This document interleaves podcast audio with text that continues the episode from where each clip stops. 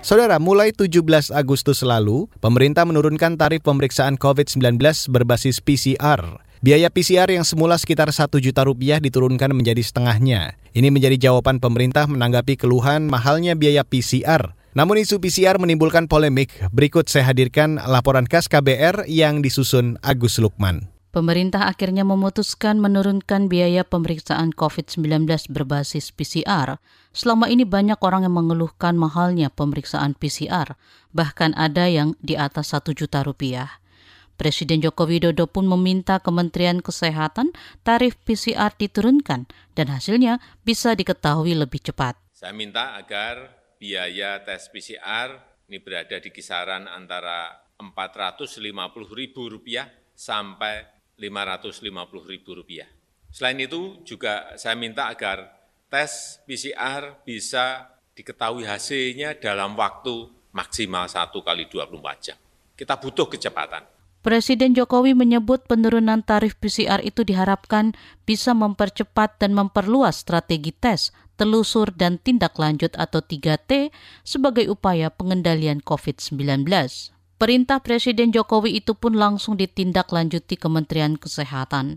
Pelaksana tugas PLT Direktur Jenderal Pelayanan Kesehatan Kementerian Kesehatan Abdul Kadir mengatakan, mulai 17 Agustus Kementerian Kesehatan menetapkan harga tes PCR hingga setengahnya. Kami sepakati bahwa batas tarif tertinggi pemeriksaan real-time PCR diturunkan menjadi Rp495.000 untuk daerah Pulau Jawa dan Bali, serta sebesar Rp525.000 untuk daerah di luar Pulau Jawa dan Bali. Abdul Kadir mengklaim penetapan harga tes PCR sudah memperhitungkan sejumlah elemen seperti biaya regen, biaya administratif, dan biaya habis pakai lainnya. Kementerian Kesehatan meminta seluruh fasilitas kesehatan dapat menerapkan ketentuan harga tertinggi tes PCR yang telah ditetapkan.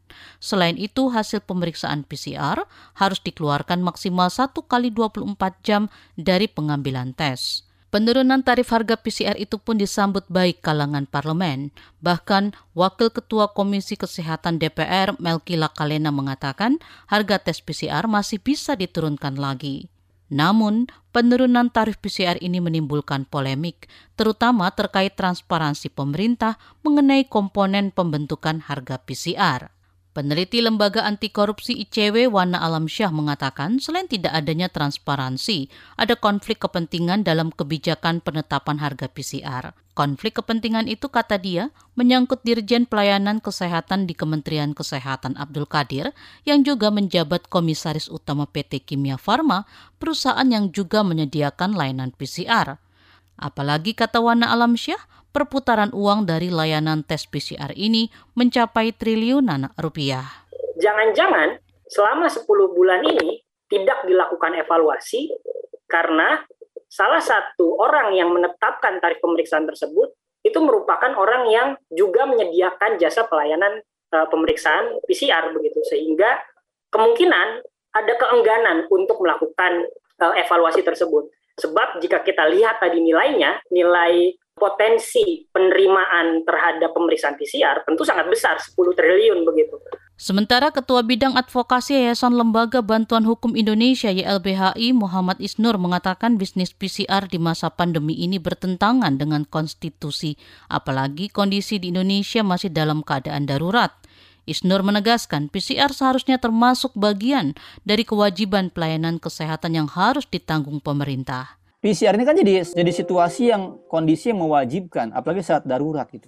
Nah kemudian kalau kemudian ini tidak disediakan secara maksimal pemerintah, tentu ini bertentangan dengan ketentuan undang-undang kesehatan. Itu ya, bagaimana juga Basel 36 pemerintah menjamin ketersediaan pemerataan keterjangkauan perbekalan kesehatan. Jadi PCR termasuk bagian dari perbekalan kesehatan.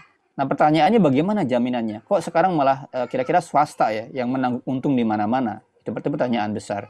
Karena itu Isner menegaskan pemerintah tidak boleh beralasan tidak memiliki anggaran membuat murah atau menggratiskan PCR bagi masyarakat. Apalagi selama ini banyak anggaran pemerintah yang justru dialihkan ke sektor non-kesehatan seperti pembangunan infrastruktur, suntikan ke BUMN, dan lainnya. Laporan ini disusun Agus Lukman. Saya Fitri Anggreni. Kamu baru saja mendengarkan news wrap up dari Kabel Prime. Dengarkan terus kabelprime.id, podcast for curious mind.